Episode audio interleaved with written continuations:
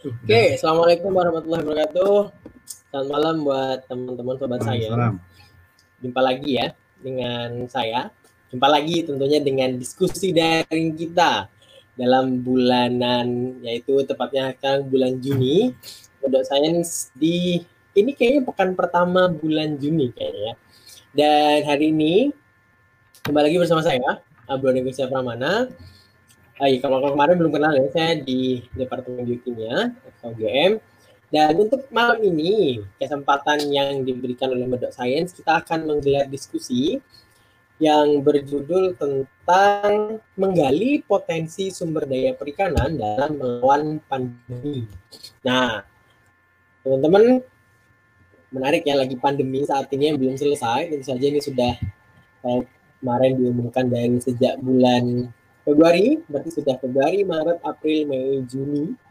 Sudah hampir lima bulan ya kita menghadapi pandemi dari COVID-19. Oke, untuk malam hari ini kita mengundang narasumber yang berasal dari dosen teknologi hasil perikanan UGM, uh, eh, Fakultas Perikanan, eh Fakultas Pertanian kalau tidak salah, hmm. uh, Universitas Gajah Mada, yaitu beliau uh, saya panggilnya bingung ya antara panggil Mas atau Bapak ya. Saya panggil Mas aja ya, Mas Muhammad mas, Prima Putra. Uh, ya. Di mana di sini uh, sedikit nah ini beliau udah muncul ya. Nah, ini Mas Muhammad Prima Putra. Ini ya. Oke, kayak Japanese ya. Oke, saya bacakan dulu ayat singkatnya ya. Jadi uh, Mas dan Mbak semua di sini, teman-teman sobat sains semua atau sobat sains semua, Mas Prima ini adalah dosen dosen teknologi hasil perikanan UGM, aktif sampai saat ini, dan beliau S1-nya di teknologi hasil perikanan UGM, S2-nya juga di ilmu dan teknologi pangan UGM, dan S3-nya ada di, beliau mengambil di Agriculture and Life Sciences di Tokyo, tepatnya kalau tidak salah di Department of Biotechnology ya, Mas. Benar ya? Betul. Ya. Untuk saat ini beliau berada di instansinya di Laboratorium Mutu dan Keamanan Hasil Perikanan, Departemen Perikanan Fakultas Pertanian UGM. Oke, selamat malam Mas Prim. Selamat malam, selamat malam Sobat Sains semua. Senang rasanya bisa diundang di acara ini. Semoga malam ini bisa sharing lah. Sedikit sharing, saya kira uh, pengetahuan yang umum, saya kira semua masyarakat juga sudah tahu, Sobat Sains semua juga sudah tahu tapi sedikit kita diskusikan malam ini refreshing dan penyegaran. Terima kasih Mas Sabrori perkenalannya. Kabarnya gimana Mas? Kabar keluarga juga? Gimana? Kabar keluarga gimana? Alhamdulillah sehat. Sudah bosen di rumah. Tapi kalau mau keluar juga kayaknya ya? masih bahaya ya pandemi kita ini.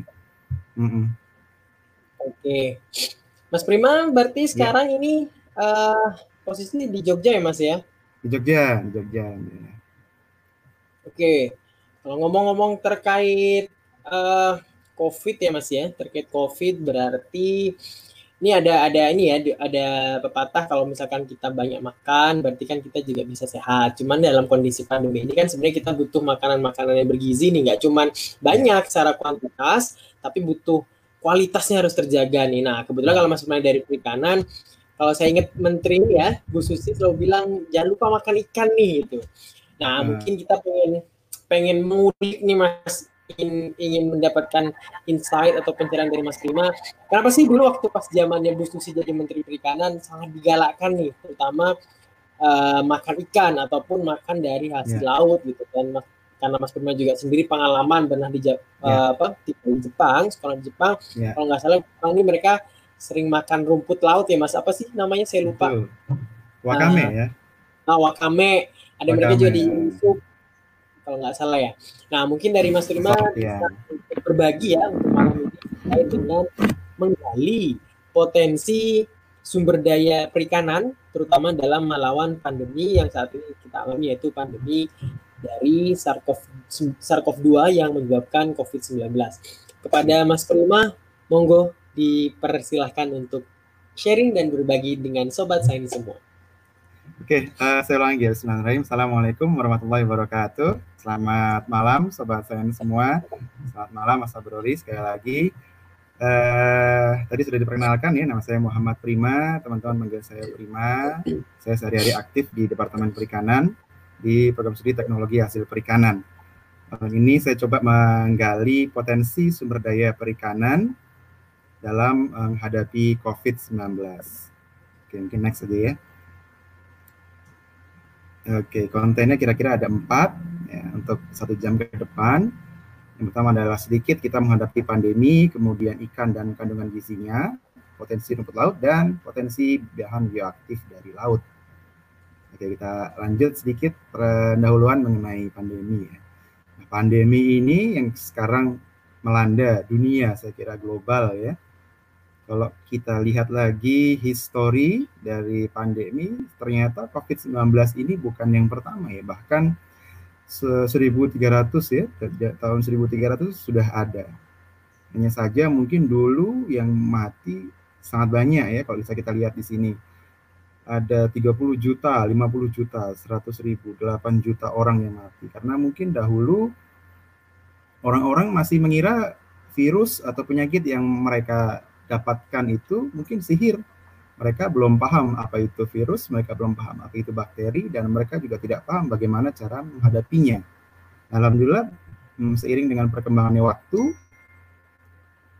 kita semua teknologi dan ilmu pengetahuan meningkat, ya dan alhamdulillah ya bisa mengatasi uh, pandemi-pandemi walaupun COVID-19 ini kalau kita lihat uh, jumlah kematiannya dibandingkan dengan saudara-saudaranya ya sama-sama coronavirus awal 2000 ada SARS ya severe acute uh, virus kemudian ada MERS di awal 2010 ya Middle East jika coronavirus ya ternyata COVID-19 ini atau SARS-CoV-2 ini memberikan tingkat kematian yang lebih tinggi. Oke, dan ya bagaimana cara kita menghadapinya? Kita lanjut pelan-pelan ke depan. Oke, next mungkin. Ya, yang hal yang yang belum apa yang belum menyenangkan ya, bukan hal yang menyenangkan adalah sampai saat ini kita belum menemukan vaksinnya jadi obatnya belum ditemukan. Sampai saat ini menurut berita kita baru menggunakan obat-obat virus ya obat-obat uh, yang lain yang sudah ditemukan sebelumnya kita uji coba di SARS-CoV-2. Sehingga apa yang harus kita lakukan sambil menunggu obat begitu ya. Tentunya ada dua seperti yang ada di slide ini ya. Yang pertama kita harus makan makanan yang baik untuk uh, menjaga kualitas imunitas tubuh. Yang kedua adalah pola hidup sehat. Karena dengan dua ini saya kira bisa uh, kita menjaga daya tahan tubuh dan um, dalam menghadapi virus ini. Oke. Okay. Nah, di gambar itu di bawah kan ada makan ikan ya. Nah, apa itu ikan ya? Apa itu perikanan? Di slide selanjutnya ada pengertiannya. Pengertian ini saya ambil dari Undang-Undang Nomor 45 Tahun 2009 ya. Perikanan adalah semua kegiatan yang berhubungan dengan pengelolaan dan pemanfaatan sumber daya ikan. Nah, sumber daya ikan itu ada banyak ya, mulai dari ikan, ada vertebrata, gitu, ada krustase, ada udang-udangan, kepiting, ada rumput laut, dan semua yang ada di lingkungannya. Itu semua termasuk dalam sumber daya ikan. Sumber daya perikanan maksud saya. Nah, seperti apa potensi sumber daya perikanan dalam menjaga daya tahan tubuh ya sebagai makanan yang sehat kita akan bahas selanjutnya mungkin nah ini adalah sifat-sifat dari sumber daya ikan yang saya kira berbeda dan spesifik kalau kita bandingkan dengan eh, sapi atau peternakan atau juga dengan pertanian yang pertama adalah perikanan tangkap khususnya adalah common properties ya. Khusus perikanan tangkap itu tidak ada yang memiliki. Jadi kalau kita lihat laut itu siapa yang memiliki tidak ada, tidak ada yang memetak-metakan laut. Jadi semua berhak atau bisa punya hak untuk mengambil, memancing ikan yang ada di sana. Bisa ikan, bisa udang dan sebagainya, sumber daya yang ada di sana. Berbeda dengan perikanan budidaya ya, perikanan budidaya itu tidak common properties. Jadi jangan jangan mancing ikan di kolam tetangga karena bukan common properties. Yang common properties hanya perikanan tangkap. Kalau budidaya ini kelebihannya apa? Karena uh, volume ya. Budidaya berbeda dengan uh, pertanian uh, ikan ya, berbeda dengan pertanian dan peternakan. Kalau perikanan itu berdasarkan volume bukan luas. Jadi kalau di pertanian dan peternakan kita tahunya satu meter persegi, kalau di perikanan kita kubik ya. Nah, kenapa penting itu ya karena dalam satu meter kubik ya sumber daya perikanan kita bisa menghasilkan banyak sekali lele mungkin sekarang satu meter kubik bisa satu kintal lebih ya eh, produksinya. Saya kira tidak ada uh, pertanian dan uh, peternakan yang bisa memiliki apa namanya luaran yang sebesar itu. Dan yang ketiga adalah jelas halal ya. Ikan dan semuanya halal. Tidak ada yang tidak halal ya. Tapi jangan juga masukkan babi ke laut kemudian jadi halal. Enggak juga. Jadi ikan dan produk perikanan halal dan varietasnya sangat banyak. Ikan kalau kita lihat ya varietasnya sangat banyak sekali. Yang bisa dimakan sangat banyak sekali. Tidak bisa kalau kita bandingkan dengan ayam, unggas gitu ya, dengan sapi tidak bisa. Nah, tapi juga ada kelemahan ya. Kelemahannya adalah uh, ikan itu bersifat mudah rusak atau perishable ya. Kenapa? Karena kandungan airnya tinggi karena setiap hari hidupnya di air. Kita mungkin kalau lihat ke, ke sate kambing begitu ya, kambing dicantolkan aja di udara terbuka lama nggak masalah ya daging kambing gitu. Tapi kalau ikan tidak bisa, ikan bersifat mudah rusak sehingga perlu penanganan yang spesifik dan tentunya masalah bau amis karena spesifik asam amino dan protein ikan yang berbau amis. Jadi mungkin beberapa orang tidak suka bau amis termasuk saya gitu. Nah, ini adalah uh, Indonesia ya. Indonesia itu adalah surga sumber daya ikan ya. Karena laut kita luas. Jadi saya kira rumput laut, ikan, udang, kepiting itu sumber dayanya sangat luas. Sehingga itu membuka peluang banyak sekali, besar sekali kalau kita mau memanfaatkan sumber daya perikanan. Oke lanjut. Itu tadi sedikit ngantar uh, COVID dan sumber daya perikanan. Nah, kita awali dengan ikan dan kandungan gizinya. Oke, okay. Kalau kita lihat slide ini, ya, ikan itu kandungan gizinya sangat banyak ya. Yang pertama kita lihat yang awal ya, bergizi tinggi, jadi proteinnya tinggi, vitaminnya tinggi, ada lemak, lemak tidak jenuh tinggi, kemudian bersifat antioksidan, dan tentunya menjaga daya tahan tubuh.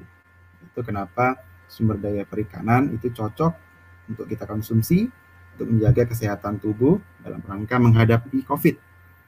Selanjutnya, kita akan awali dengan protein.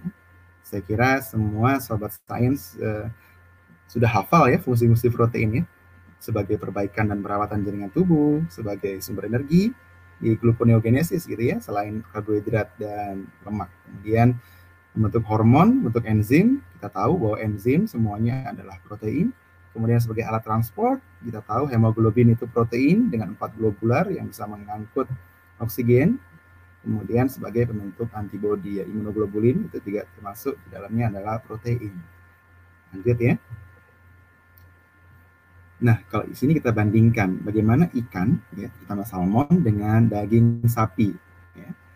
Kalau kita lihat di kanan dan di kiri ya, di kiri salmon, di kanan daging sapi, salmon banyak sekali apa namanya eh, sisi positifnya dibandingkan dengan sapi. Pertama, polyunsaturated fatty acidnya sangat tinggi ya, hampir lima kali daripada uh, daging sapi. Kemudian vitaminnya juga lebih tinggi, kemudian uh, trace elemennya juga tinggi dan rendah uh, rendah rendah uh, kolesterol ya dan dan saturated fatty acid atau lemak jenuh.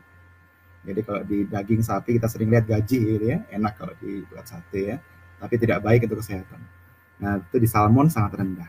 Bagaimana salmon itu saya kira kalau lihat dari sini lebih baik daripada nah, sapi selanjutnya ya. Next. Nah, walaupun ya salmon di Indonesia saya kira tidak terlalu populer ya. Kalau di, kalau di Jepang saya kira sangat populer ya di mana-mana salmon. Saya paling suka makan sushi salmon daripada tuna. Salmon enak sekali ya, sashimi salmon juga enak sekali karena rasanya enak tidak amis. Tapi kalau di Indonesia saya kira kurang populer. Kalau kita lihat di slide ini, ternyata ikan-ikan konsumsi di Indonesia lebih kepada ikan-ikan air tawar. Hal yang tidak saya temukan di Jepang atau di negara Eropa mungkin ya. Orang-orang sana itu lebih suka ikan air asin ya. Ketika saya tanya kenapa, karena di air laut gitu air asin gitu lingkungannya lebih bersih. Kalau ikan air tawar itu mereka menganggap lebih kotor ya. Juga uh, menggunakan pelet lebih kotor. Walaupun uh, secara protein dan secara kandungan gizinya saya kira tidak jauh berbeda. Indonesia paling banyak lele ya, saya kira pecel lele di mana-mana gitu ya. Kalau di Jawa Barat ikan mas ya, pepes ikan mas saya kira uh, favorit di Jawa Barat ya. Bandeng presto juana favorit juga. Oke, okay, next ya. Dan kalau kita lihat di sini kandungan protein dari ikan-ikan air tawar yang uh, populer di Indonesia ya tidak kalah dengan ikan air laut ya, saya kira berkisaran 20% dan bisa kita bandingkan dengan uh, ayam, unggas dan uh, sapi atau kambing. Saya kira tidak jauh berbeda. Yang berbeda adalah kolesterol tentunya ya. Kalau daging putih kolesterolnya rendah dibandingkan dengan daging merah. Oke, okay, next. Saya terlalu cepat atau enggak ini? Mas Abrori mungkin yang bisa saya tanya kalau sobat sains kan bisa saya tanya bisa sih cukup uh, ya cukup nggak terlalu cepat ya. Nah selanjutnya adalah uh, taurin. Taurin ini adalah asam amino tidak termasuk dalam asam proteogenik amino acid ya uh, atau asam amino proteogenik penyusun protein. Kita kenal penyusun protein asam amino ada 20 ya. Taurin ini tidak termasuk di sana. Tapi taurin ini penting dan jumlahnya tinggi ya di seafood dan ikan kita lihat di sini ya, octopus bisa 390 kita kita bandingkan dengan daging sapi 50 sampai 100. Nah, apa fungsi taurin ada di slide selanjutnya. Jadi taurin ini eh, kalau kita makan ya konsumsi itu baik dan mencegah eh, serangan jantung ya, coronary heart disease ya, atau nah, pembuluh koroner jantung ya. Nah, jantung, kemudian tekanan darah tinggi, diabetes, itu adalah penyakit-penyakit pembawa yang kalau kita baca di beberapa jurnal atau berita, penyakit-penyakit pembawa yang memperburuk pasien COVID ya. Jadi pasien COVID dengan penyakit bawaan seperti jantung, tekanan darah tinggi, diabetes begitu ya, itu jauh lebih tinggi tingkat fatality yang dibandingkan dengan ya, orang-orang sehat yang terkena COVID. Dan taurin ini baik untuk mencegah uh, serangan jantung atau penyakit jantung menurut beberapa jurnal yang saya baca. Nah, untuk protein saya kira cukup ya, jelas apa fungsinya dan bagaimana kebaikan protein yang ada di ikan. Selanjutnya apa ya? Nah, tidak bioaktif, ini juga protein. Sebenarnya saya agak sedikit ragu kalau untuk membahas tidak bioaktif ini karena masih uh, kontroversi. Jadi ikan yang terutama ikan-ikan fermentasi yang banyak ada di Indonesia itu mengandung peptida bioaktif. Bioaktif ini punya banyak sifat ya. Jadi ada antioksidan, antimikrobia, antiinflamasi, anti kanker, anti kolesterol, anti aging, anti tumor dan yang berhubungan dengan COVID-19 ini adalah sifat S1 inhibitor yang mampu menurunkan tekanan darah. Apa hubungannya dengan COVID-19 akan kita bahas perlahan-lahan di slide selanjutnya. Nah, ini adalah fermentasi ya. Jadi fermentasi adalah proses penguraian secara biologis atau semi biologis. Ada senyawa-senyawa kompleks, ya, terutama protein menjadi senyawa-senyawa yang lebih sederhana dalam keadaan terkontrol. Beberapa produk ditambahkan garam gitu ya untuk mengontrol pertumbuhan bakteri. Nah di Indonesia ini kaya sekali ya kan eh, produk fermentasi ikan. Ini contoh-contohnya ada bekasam, ada budu, cincalo, jambal roti, kecap ikan, namura, peda, petis gitu ya. Nama-nama daerah saya kira ya. Picungan, Pudu, Rusip. Nah, Rusip ini di Bangka kalau nggak salah ya terkenal ya. Terasi. Siapa yang nggak suka terasi ya? Kemudian tukai ini juga produk fermentasi dari produk uh, dari sumber daya perikanan. Ya, lanjut. Nah, jadi selama proses fermentasi, seperti yang saya sebutkan di awal, protein yang merupakan bagian utama dari ikan dan sejenisnya, bisa udang, bisa ikan gitu ya, itu dirombak ya, bisa dengan enzim, ya, protease, atau dengan bakteri, bakteri yang menghasilkan protease menjadi peptida atau asam-asam amino rantai pendek, bisa 8, bisa 10 gitu ya, peptida yang Ternyata dalam kondisi rantai pendek ini selain memberikan aroma dan rasa yang khusus ya, spesifik. Jadi terasi kalau tidak difermentasi beda rasanya dengan yang yang terfermentasi ya. Dengan fermentasi itu menambah cita rasa, menambah aroma begitu. Selain itu, peptida ini juga memiliki sifat fungsional. Salah satunya yang kita bahas yang berhubungan dengan COVID-19 adalah ACE inhibitor. Nah, apa itu S inhibitor di slide selanjutnya saya kira ya. Nah, S inhibitor ini berhubungan dengan tekanan darah. Jadi tubuh manusia ini punya sistem, ya saya lebih mungkin Mas Pram yang di kedokteran lebih paham ini renin angiotensin aldosteron system ya RAS ini bagaimana tubuh itu apa namanya eh, mengatur tekanan darah. Jadi ketika tekanan darahnya rendah gitu, mereka akan eh, tubuh akan menghasilkan renin menghasilkan angiotensinogen yang dirubah oleh ACE ya, angiotensin converting enzim menjadi angiotensin 1. Oh salah, angiotensin 1 dirubah menjadi angiotensin 2. Nah, angiotensin 2 ini akan memperkecil pembuluh darah karena pembuluh darah kecil tekanan menjadi tinggi dan juga dia menghasilkan uh, mensekresi apa namanya? memicu ya sekresi ADH, anti diuretik hormon atau hormon gitu ya yang dihasilkan menyebabkan kita tidak ingin buang air kecil. Nah, karena kita tidak ingin buang air kecil, darah menjadi kental gitu ya. Sehingga tekanan darah menjadi tinggi. Lawannya antidiuretik ya diuretik ya. Diuretik itu seperti minum kopi dan teh ya, itu bersifat diuretik. Kalau kita minum kopi dan teh, saya kira segera ingin ke belakang karena kopi dan teh itu uh, memicu diuretik hormon ingin kita ke belakang. Nah, karena S inhibitor ini tekanan tekanan darah menjadi tinggi. Nah, hingga saat ini bagaimana cara mengatur tekanan darah ada dengan obat. Nah, obatnya ada di slide selanjutnya.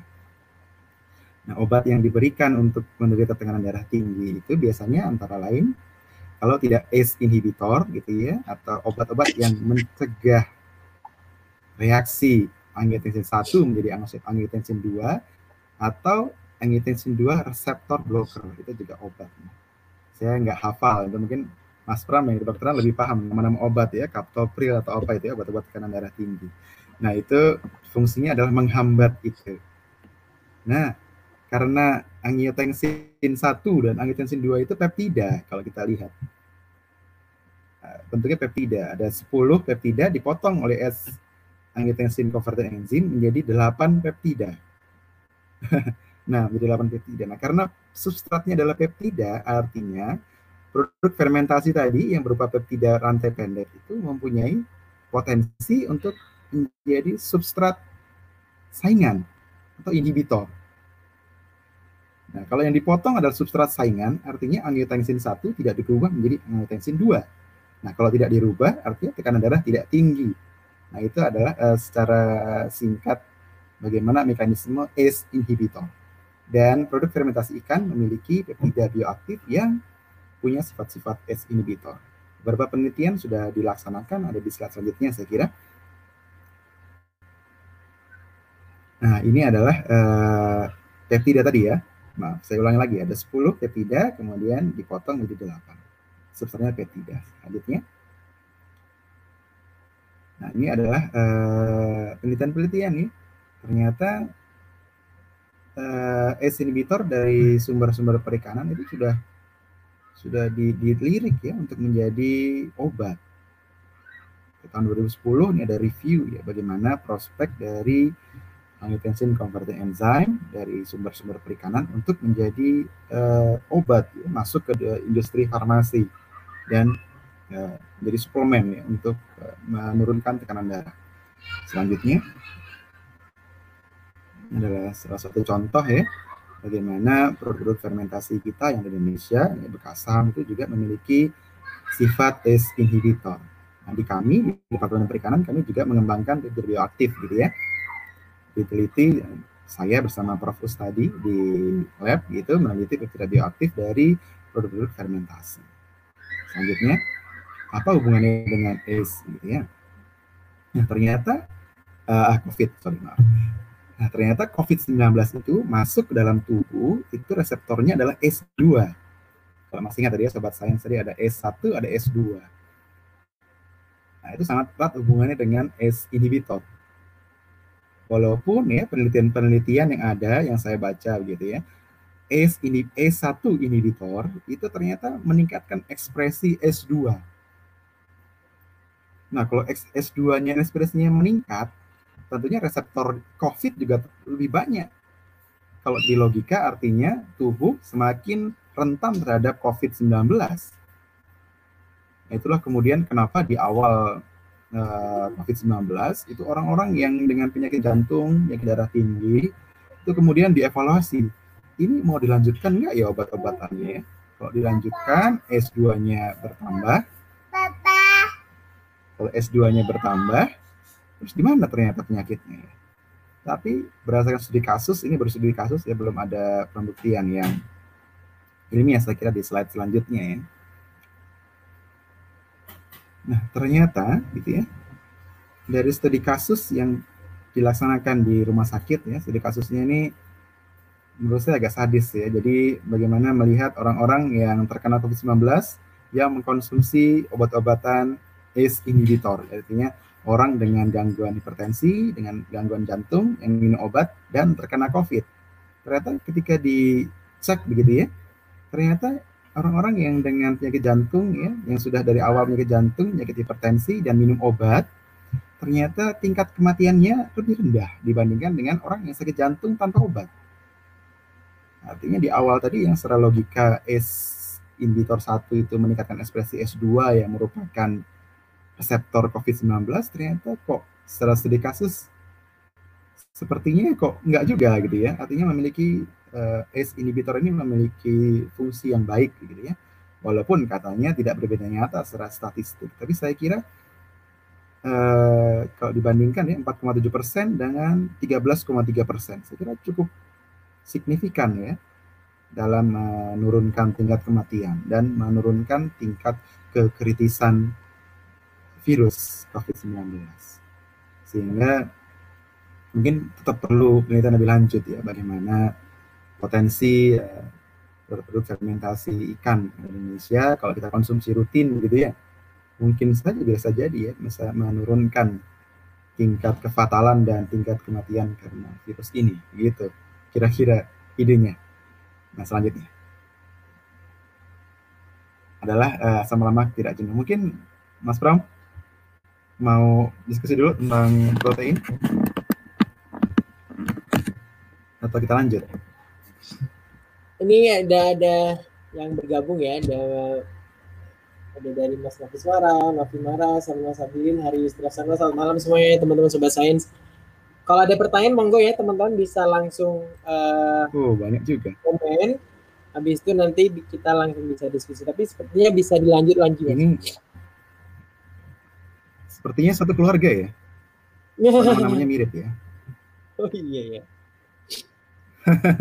ya apa? Ini nonton ah, mungkin no, nobar ya. Oke. Okay. Iya, Oh, bisa dilanjut Mas Firma. Dilanjut dulu. Oke ya, kita lanjut ya. Kedua adalah Oke okay, ya, uh, lagi. Eh, suara saya sepertinya ada masalah. Aman? Masih bisa kedengeran? Aman ya, oke. Okay.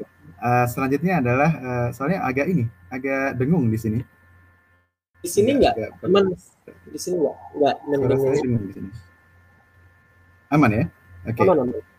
Lanjut kita di asam lemak tak jenuh. Jadi bagaimana potensi perikanan uh, berhubungan dengan asam lemak tak jenuh. Di asam lemak itu ada jenuh dan tidak jenuh. Nah, yang jenuh itu apa? Jenuh itu tidak ada rantai gandanya. Artinya tidak bisa lagi disisipi. Nah, yang tidak jenuh itu ada rantai gandanya kalau kita bisa lihat ya yang bagian atas ya. Dan apa itu omega 3? Nah, omega 3 adalah rantai ganda yang ada di karbon C nomor 3 dari gugus omega, dari sisi omega. Nah, itu adalah uh, kenapa disebut sebagai asam lemak omega 3. Apa baiknya asam lemak omega 3 ada di slide selanjutnya.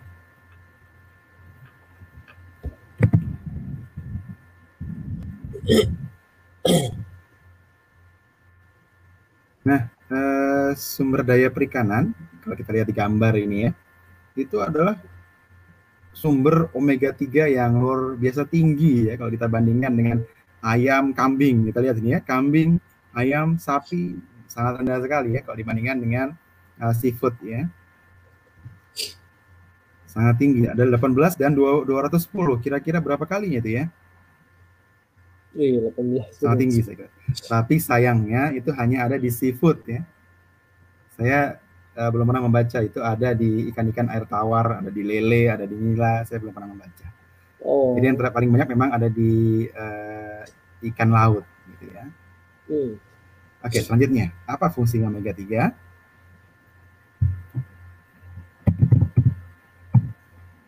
Ternyata saturated fatty acid itu bisa meningkatkan immunity. Ya. Selanjutnya, selanjutnya juga penelitian selanjutnya saya kira. Nah, bagaimana uh, efek dari omega 3 untuk meningkatkan imun?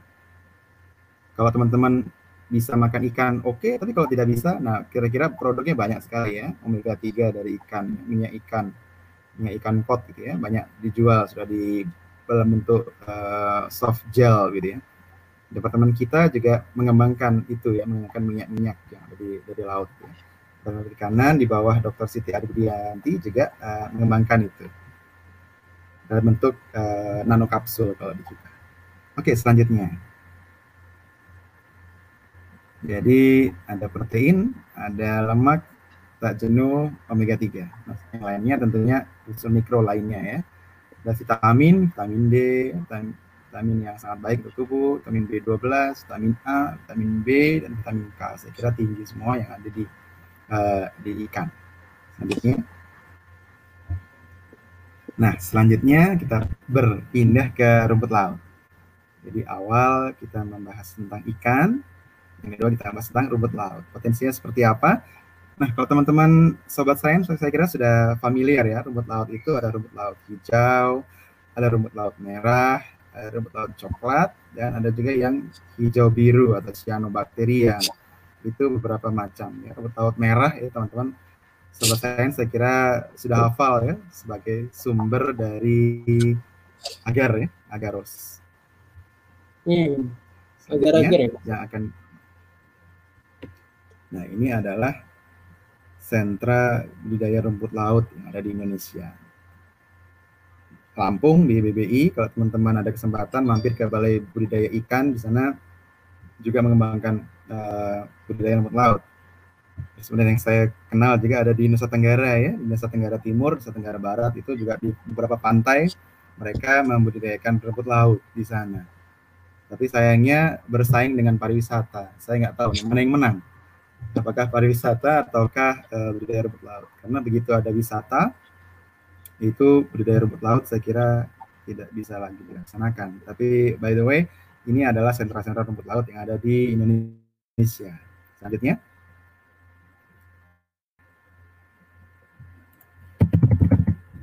Ini ada contoh ya bagaimana budidaya rumput laut ya. Ini adalah salah satu yang akan saya bahas di sini. Adalah fukoidan. Nah, fukoidan ini dari rumput laut coklat. Rumput laut coklat yang satuan satunya adalah fukosa, dia memiliki gugus sulfat. Nah, fukoidan ini sudah lama diteliti ya. Fungsinya apa? Ada di slide selanjutnya.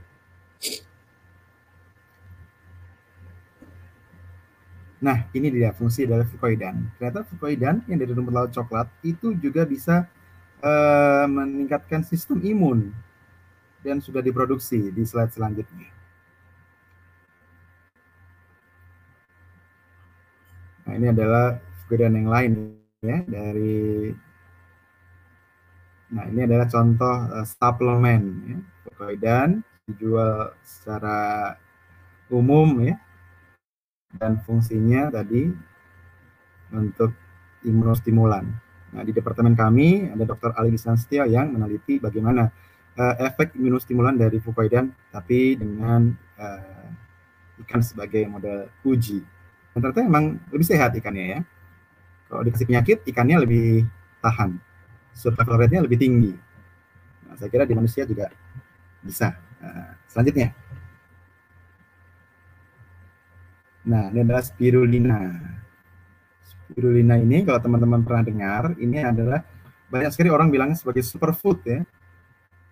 Malah ada yang mau meneliti ini spirulina ini dibuat kapsul untuk dibawa ke luar angkasa. Anu superfood. Kita lihat ya, kandungan proteinnya sangat tinggi, sampai 70% protein. Oh ya, spirulina ini uh, cyanobacteria kecil. Dia kecil gitu ya, uh, spiral bentuknya. Dan merupakan sumber asam amino yang penting bagi tubuh. Spirulina itu juga kaya ya, kaya potasium, kalsium, zinc, magnesium, kaya sekali. Dan juga kaya klorofil. Kalau di beberapa tahun yang lalu mungkin terkenal ya minuman klorofil ya. Nah, spirulina saya kira sumber yang baik untuk klorofil. Oke, lanjut. Nah, eh, spirulina ini juga memiliki sifat-sifat yang baik untuk melawan penyakit, tapi saya kira lebih kepada penyakit bawaan, ya, penyakit sampingan daripada COVID-19. Jadi karena memiliki sifat antioksidan yang baik, itu bisa menjaga daya tahan tubuh. Ya. Oksidatif stres menjadi lebih rendah. Nah, di departemen kami ada Dr. Nur Fitri Kantari yang meneliti spirulina, sudah dijadikan banyak produk, jadikan coklat, jadikan uh, cake, ya, dijadikan cookies gitu ya dari spirulina. Dan antioksidannya tinggi, seratnya tinggi, saya kira juga sangat potensi untuk menjaga kesehatan tubuh. Nah, selanjutnya. Nah, dari rumput laut selesai nih. Gimana, Mas Pram? Ada pertanyaan kah?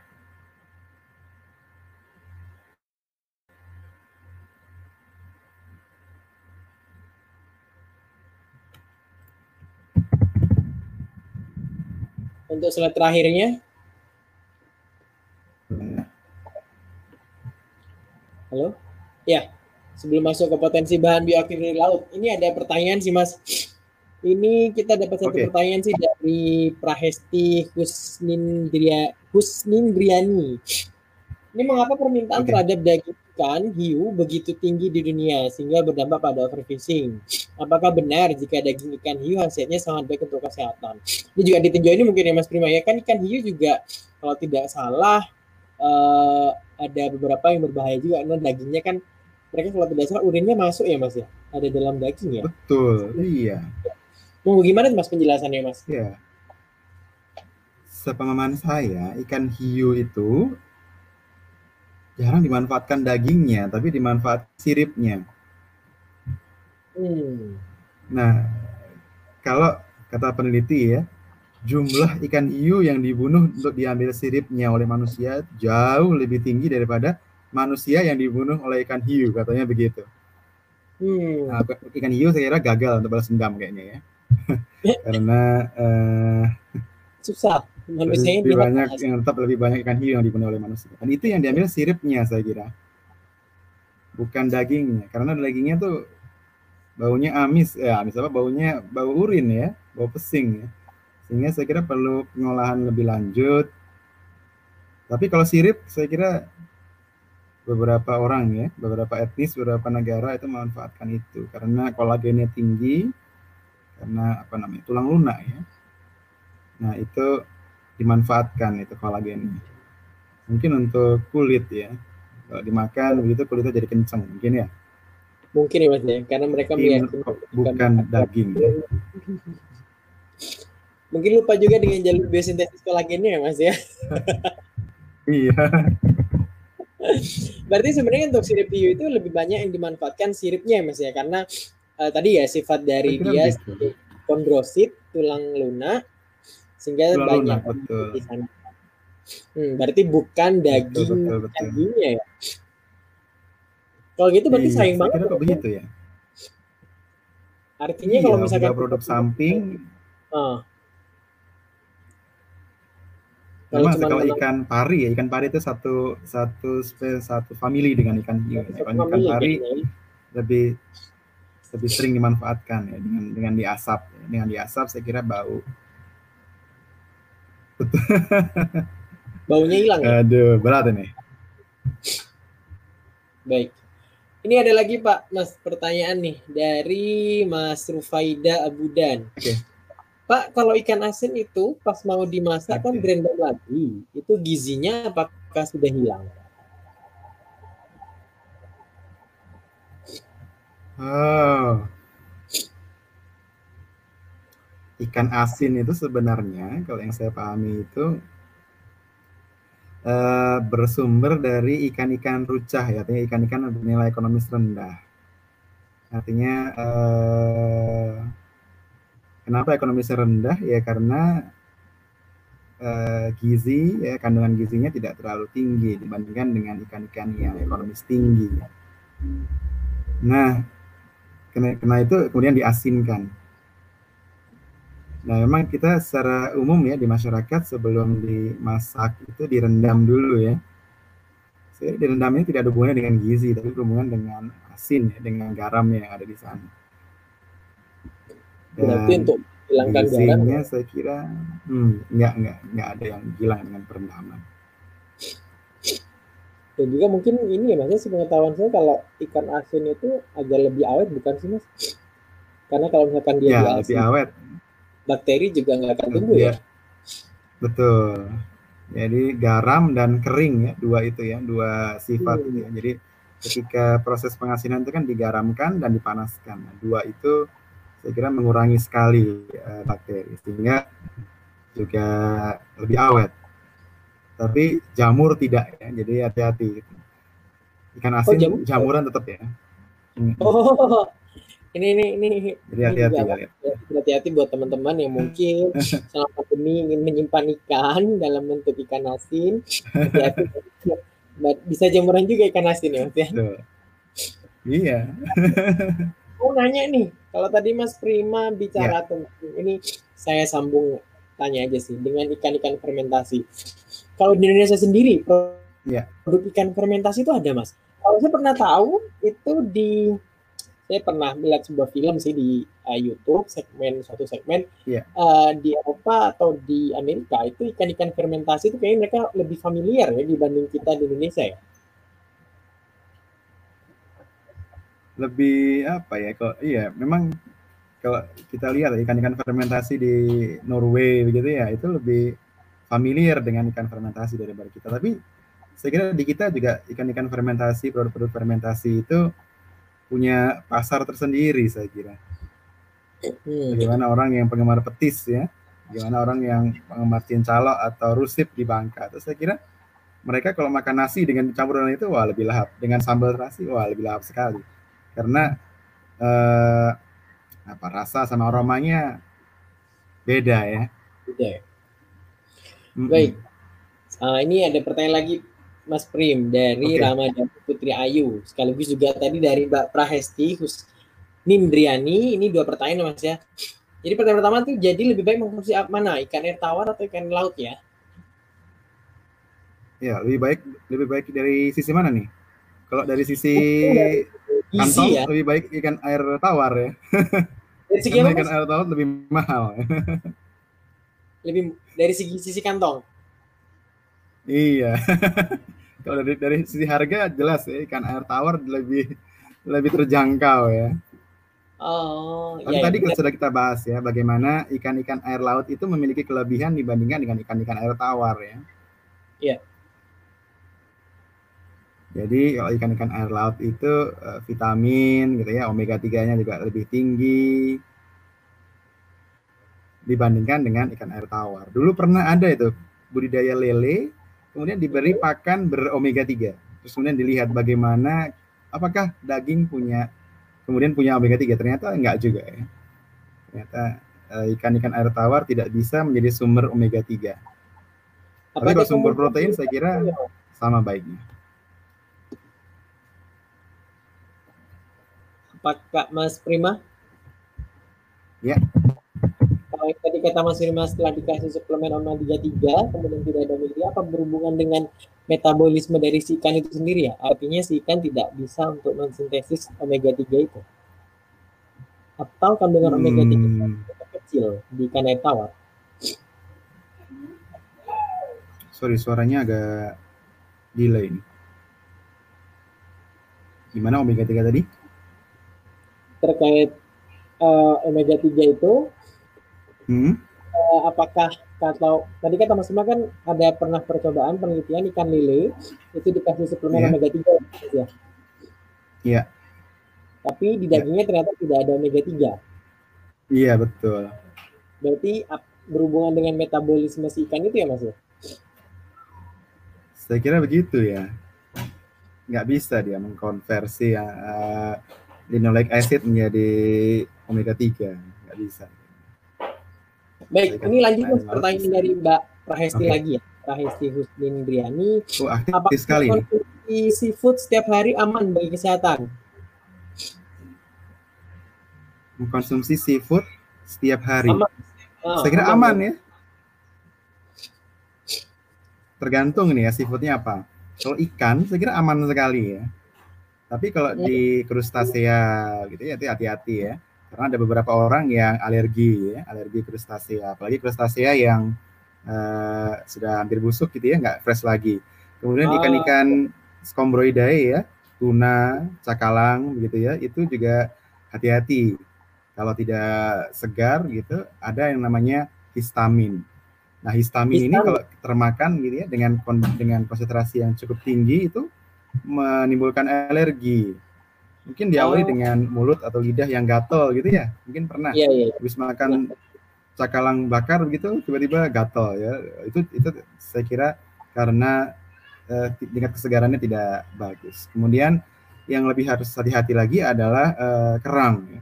Nah, kerang ini adalah hewan yang bersifat eh, filter feeder atau menyaring air dari lingkungan. Nah, ketika lingkungannya ini buruk begitu ya, misalkan pencemaran logam berat atau apa eh, Fukushima waktu itu meledak ya, air lautnya tercemar radioaktif. Nah, itu hati-hati. Iya.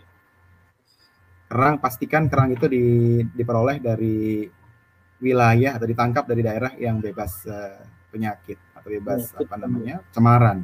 Kemarin. Karena semua terserap, jadi semua berkumpul di di dalam dagingnya. Berarti dia berperan sebagai bioakumulator, Mas ya. Betul, iya. Jadi kalau mau makan setiap hari ya bagus, tapi juga harus itu ya, harus diteliti juga bagaimana kualitas ikannya, Ini sebenarnya nyambung. Heeh. konsumsi itu nyambung dengan pertanyaan ini dari sebentar. Saya tadi ada pertanyaan sih eh, tentang Ya. seberapa banyak sebenarnya ikan yang harus kita konsumsi. Gimana? Seberapa banyak Seberapa? minimal berapa batas Oh. minimal limit maksimum makan ikan yang diizinkan. Waduh, kalau bicara minimal saya kira ya nggak ada minimalnya ya. Kalau bisa makan ikan lebih banyak lebih baik. Konsumsi ikan per kapita kita sudah ada target ya dan ternyata masyarakat masih jauh di bawah target, terutama Jogja ya. Saya nggak tahu kenapa Jogja konsumsi ikan per kapitanya rendah.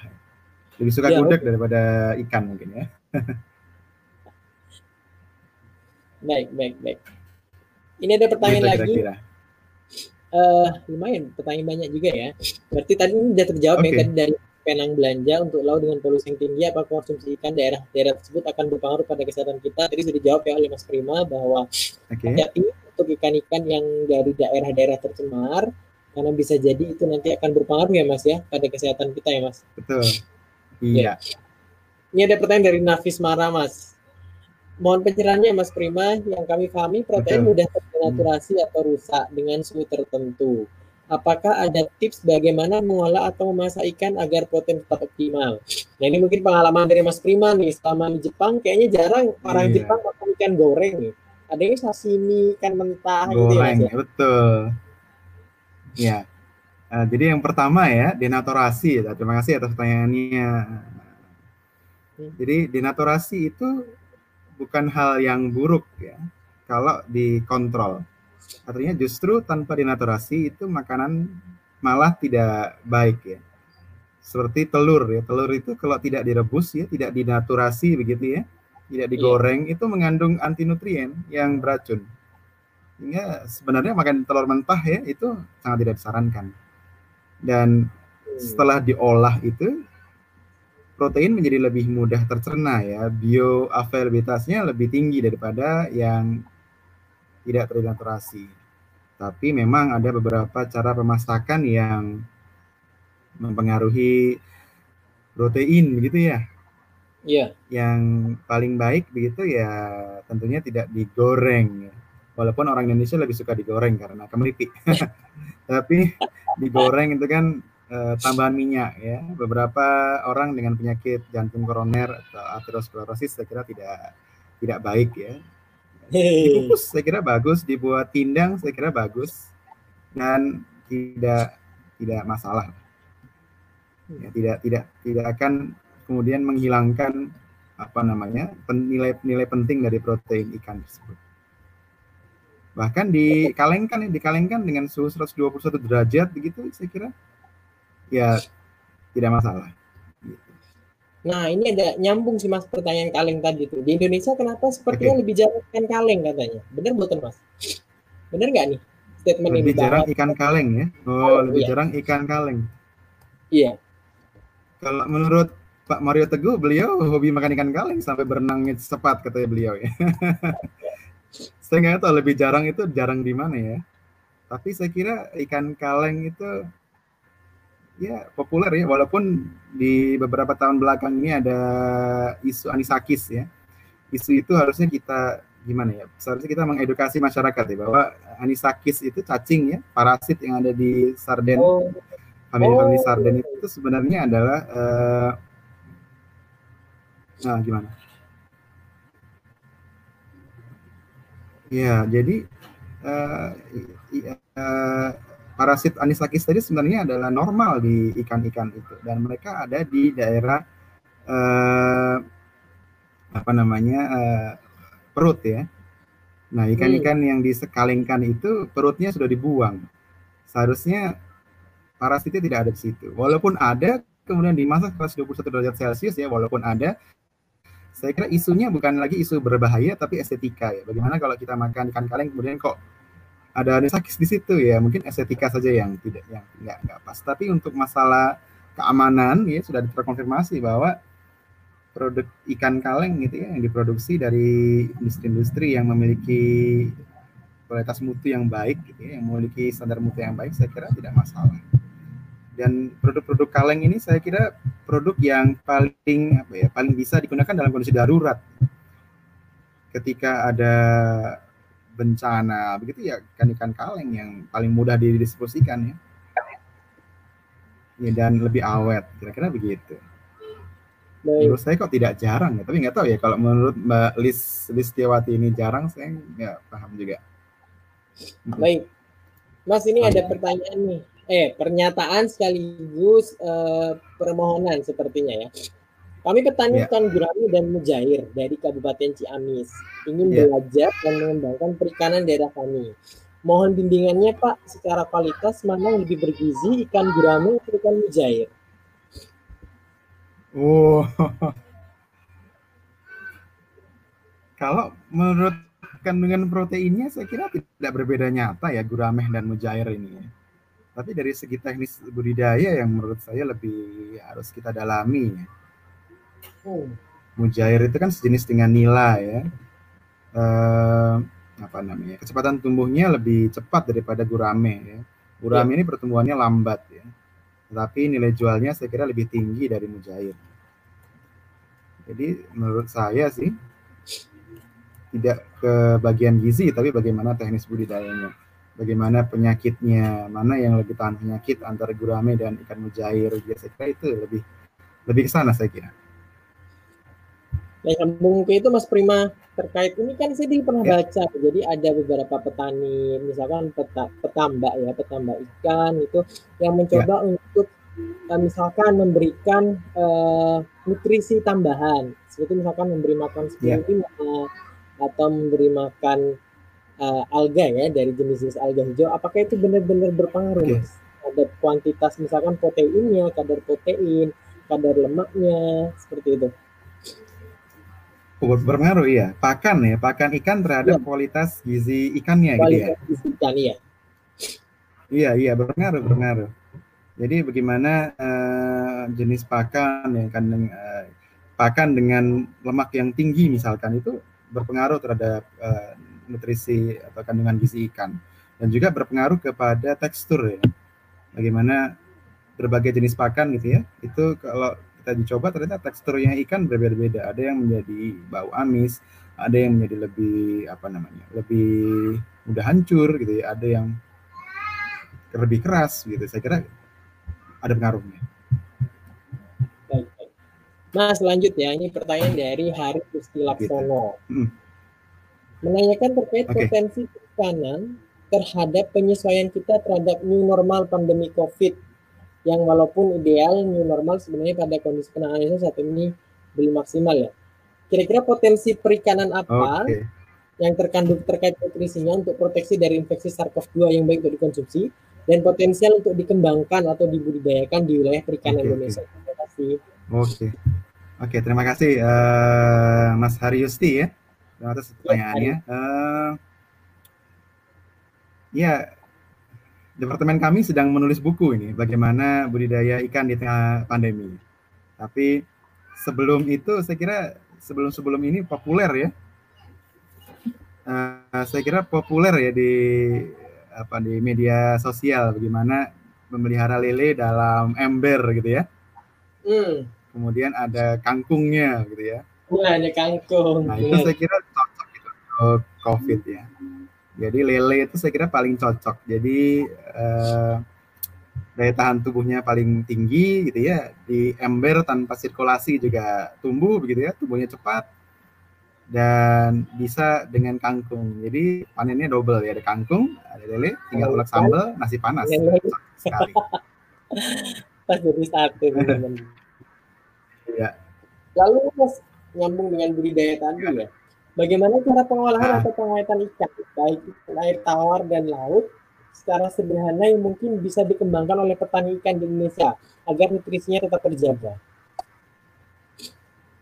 Mungkin tidak bisa dikembangkan oleh petani. Oke, oke.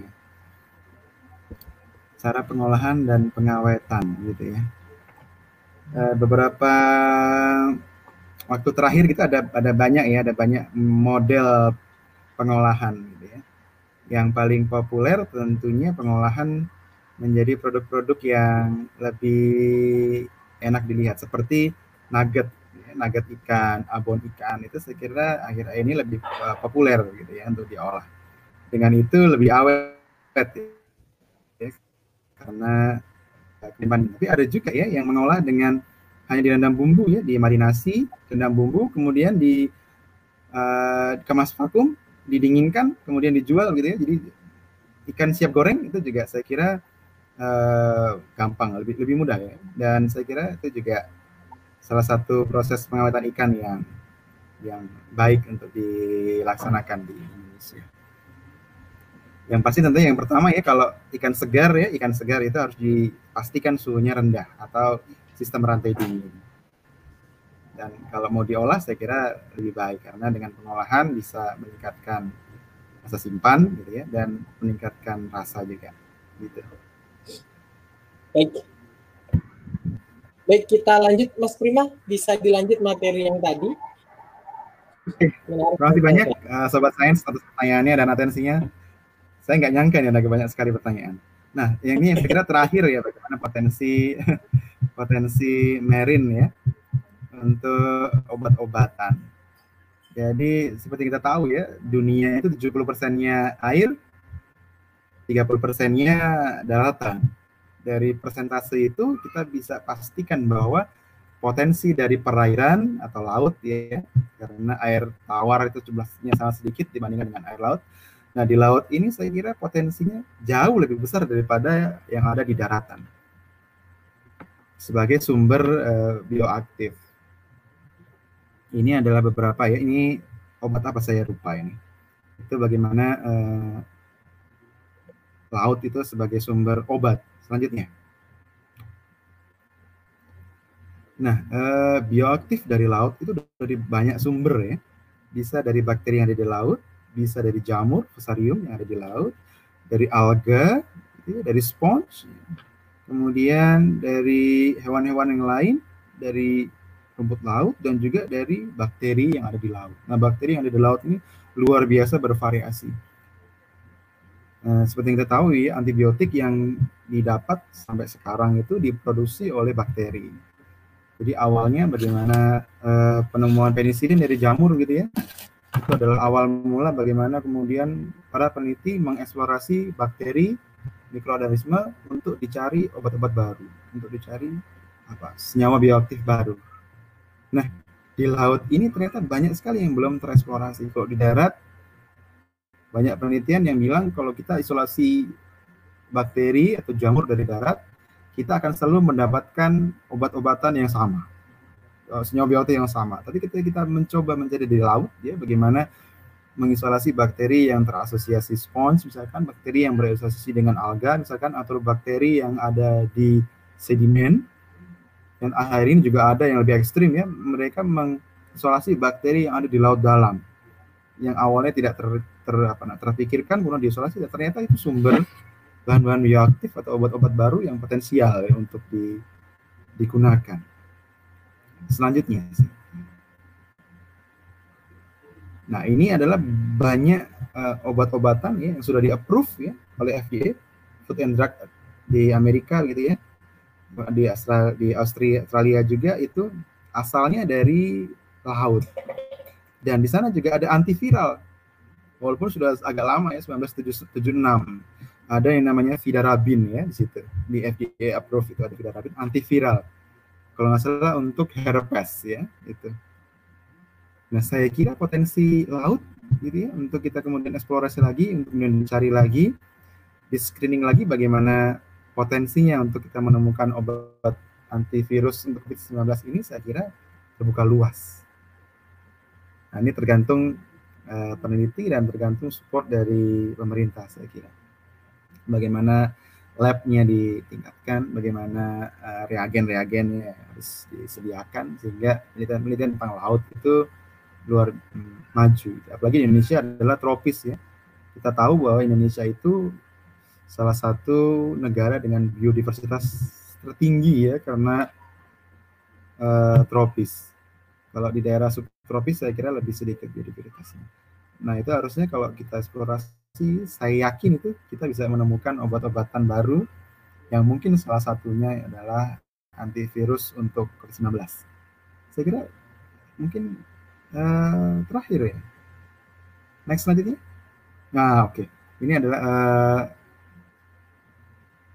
uh, saya mengajak teman-teman semua gitu ya uh, untuk berdoa agar kita semua uh, bisa bertahan sehat di tengah pandemi dan semoga pandemi ini bisa segera berlalu dan kita bisa bertemu, tidak bertanya via YouTube mungkin bisa ke kantor saya gitu, ke Departemen Perikanan bisa berdiskusi lebih lanjut. Saya kira di UGM banyak ahli-ahli, bukan saya, saya saya nggak ahli. Saya akan saya akan me, eh, belum ahli gitu ya.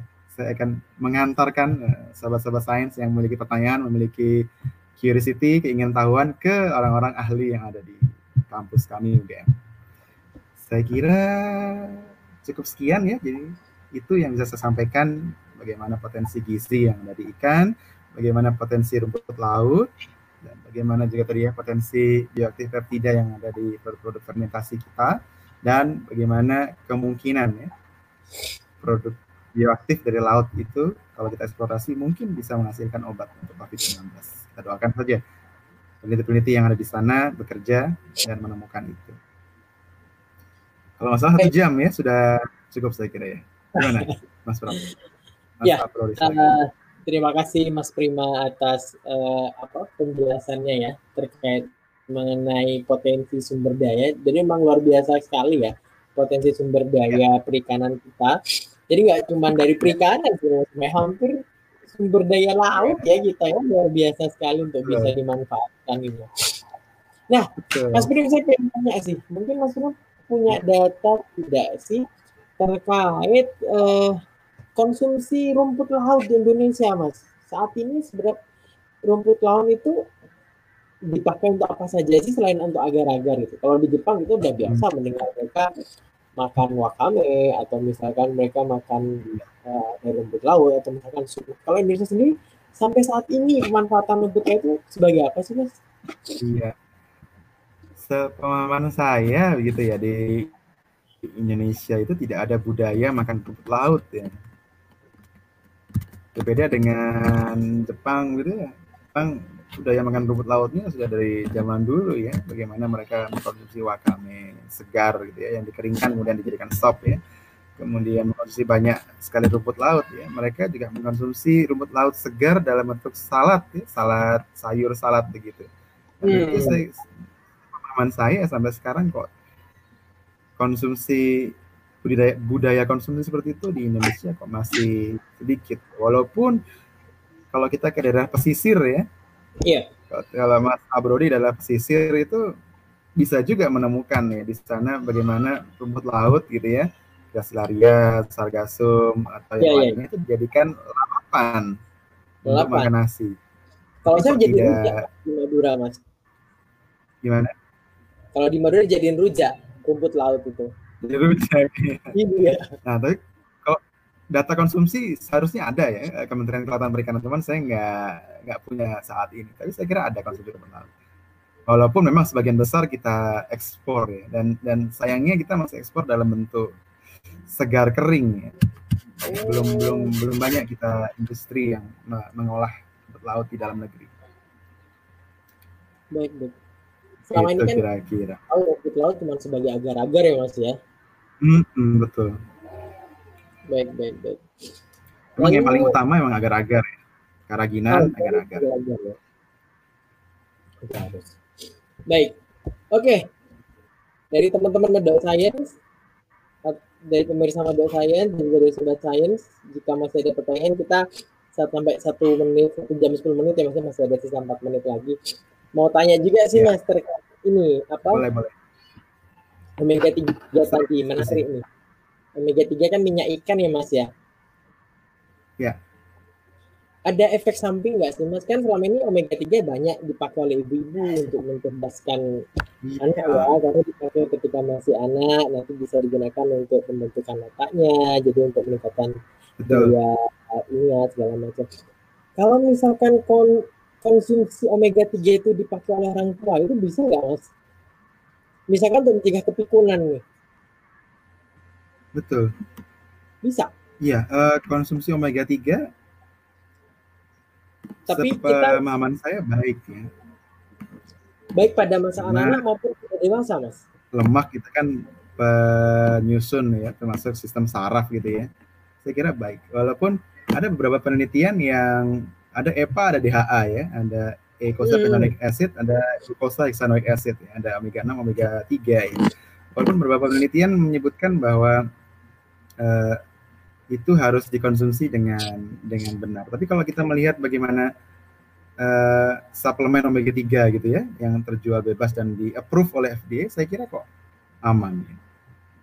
Dan itu juga bisa arteriosklerosis juga bisa ya, bagaimana asam lemak tidak jenuh itu bisa mengurangi arteriosklerosis atau penyempitan pembuluh darah. penyakit benar benar benar. Ini pertanyaan nih mas. Lato itu rumput Gimana? laut bukan ya? Biasanya diurap latoh mungkin ini nama daerah. Latoh. Latoh. Hmm. Ini bahasa lokal. Saya saya baru baru dengar ini. Bukan Latoh lokal itu sih. rumput laut bukan ya? Saya harus ketemu Latoh nih, harus saya tanya, tanya langsung ini. Sebentar saya coba carikan mas. Tapi kalau jadikan urapan sih, oh, semat ini kayaknya ini nggak bisa kirim gambar ya ke Mas Prima ya. Kalau Nah, kalau ya. itu semacam rumput laut yang dia kayak ada bulir-bulir kecil-kecilnya itu loh mas. Oh Ini iya iya betul. Anggur ya, laut mungkin ya. Ini kembang. Iya rumput laut. Anggur laut itu. Oh anggur laut ya. Iya ada istilahnya namanya anggur laut. Mungkin latoh Ini saya juga baru dengar. daerah. Itu enak gitu. Oh bisa dikonsumsi juga ya. Ya. Berarti sebenarnya ya Mas Prima ya sebenarnya kita tuh Iya. bukan bukan jarang konsumsi rumput laut, hanya mungkin eh, pendataannya yang kurang ya Mas. Karena ternyata ada makanan latoh ini yang dia dipakai untuk urap untuk rumput lautnya ya. Ya. Iya. Nah ini Iya betul, iya. Heeh, heeh. dia menanyakan Iya. apakah ini alga atau rumput laut. Tapi memang kalau di daerah pesisir saya kira umum ya ada orang-orang pesisir ya bagaimana mereka tinggal ngambil di pantai itu seperti itu yang kayak gitu-gitu. Tapi kalau di iya Orang-orang pesisir ini mungkin harus dibudidayakan untuk membuat ini jadi makanan perkotaan. soalnya agak sulit. Ya kalau makanan perkotaan lumayan enak sih ini. seperti wakame wakame kan luar biasa ya dikonsumsi. Iya. Wakame luar biasa dan enak ya. Enak. Mungkin ini Mas Prim apa kayaknya departemen apa departemen perikanan ini perlu mengadakan uh, festival kuliner makanan berbasis rumput laut Mas. Nah itu yang mau kita mau kita buat itu tapi keburu oh, covid oh, iya. oh. jadi uh, departemen kita setiap tahunnya itu ada namanya seminar nasional ya. Nah, kita rencanakan seminar nasional tahun ini seharusnya kita akan ada festival makan ikan. Kita akan mengundang UMKM gitu ya, UMKM UMKM yang ada di Jogja lokal saja begitu untuk datang dan memamerkan produk-produk mereka. Jadi di Gunung Kidul juga sebenarnya ada juga UMKM kecil yang membuat uh, permen jelly dari rumput laut ada. Hmm. Mereka yang membuat abon gitu ada jadi pengennya begitu gitu tahun ini. Cuman karena COVID itu kemudian kita cancel dan e, rencananya kita akan buat secara daring di akhir tahun nanti sebenarnya. Tapi jadi nggak bisa pameran dan nggak jadi lomba masak. iya benar nggak bisa pameran nggak bisa lomba masak ya. Ya. Baik Mas Prima. Iya.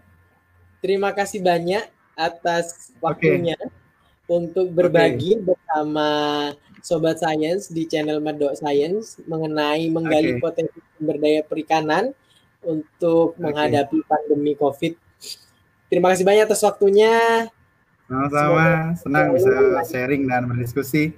Pertanyaannya iya. luar biasa menarik ya. Semoga sehat keluarga dan juga lancar. Sama-sama, sehat-sehat juga. Sebagai dosen di UGM. Mungkin lain waktu bisa ditukar ini. Saya jadi moderator, ya Mas Abrori jadi pengisi. Saya kira. Karena belum cocok menarik. saya, Mas. Baik, terima kasih banyak Mas Prima kepada teman-teman. Terima kasih atas waktunya untuk kemudian uh, bergabung ya. bersama kami di channel Medok Science. Kita ucapkan ya. terima kasih. Uh, kalau di bahasa Jepang arigato gozaimashita ya Mas Prima ya. Terima kasih banyak, terima kasih banyak. Sama-sama, terima kasih juga. Semoga bermanfaat. Kalau ada keliru-keliru saya mohon maaf. Kalau ada yang kurang pas saya juga mohon maaf. Siap. Kalau ada informasi yang masih abu-abu, tolong di searching dulu ya. Ya. Awas hoax, hati-hati. Atau bisa kontak Mas Prima, silakan dicari nanti di websitenya okay. Departemen Perikanan. Oke. Okay. Dicari Muhammad Prima Putra. Okay. Terima kasih Mas Abrori. Terima kasih banyak. Selamat saya malam Sehat-sehat semua. Sampai bertemu lagi. Dadah. Atur nuhun Mas Prima. Atur nuhun sekali. Sama-sama. Baik, sahabat sains, akhirnya kita berada di penghujung acara kita ya untuk episode 21 bersama Mas Firma Putra, Mas Muhammad Firma Putra. Dan terima kasih banyak atas waktunya untuk bergabung, sharing, bertanya dan juga memberikan komentar selama uh, live di channel Medok Science ini. Dan sampai jumpa di episode selanjutnya. Dan jangan lupa uh, Medok Science ruang bicara sains. Saya Abdul Ghazia Pramana mengucapkan terima kasih banyak dan mohon maaf jika ada salah kata, salah perilaku dan ya, selamat malam, sampai jumpa, salam sehat dan semangat berada dalam tengah pandemi Covid. Stay at home, stay safe, and stay healthy. Thank you. Assalamualaikum warahmatullahi wabarakatuh.